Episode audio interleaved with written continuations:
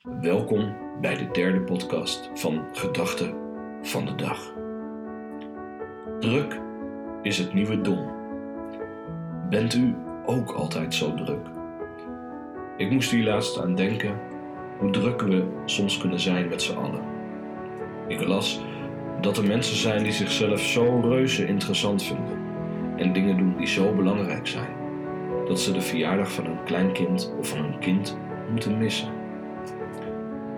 Of die niet even vijf minuutjes tijd kunnen maken om koffie te drinken met familie die ze al jaren niet gezien hebben. Het lijkt alsof een volle agenda voor veel mensen een statussymbool is. Maar zou het kunnen dat druk zijn misschien simpelweg een gebrek aan prioriteit en richting is? We hebben allemaal 24 uur in een dag en de een gaat er goed mee om, terwijl de ander al druk ervaart wanneer hij één sollicitatie per week moet versturen.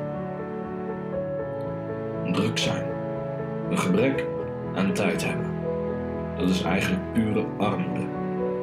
De beste manier om met tijd om te gaan, heb ik gemerkt, is door ruimte te laten. Laat grote gaten in je agenda staan. Gaten die op een natuurlijke manier op de dag zelf gevuld kunnen worden.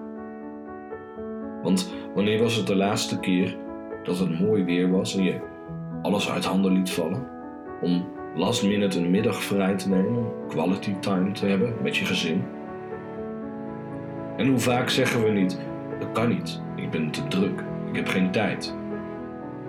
Een hoop verplichtingen en een hoop drukte zit alleen in je hoofd. Het is maar een gedachte.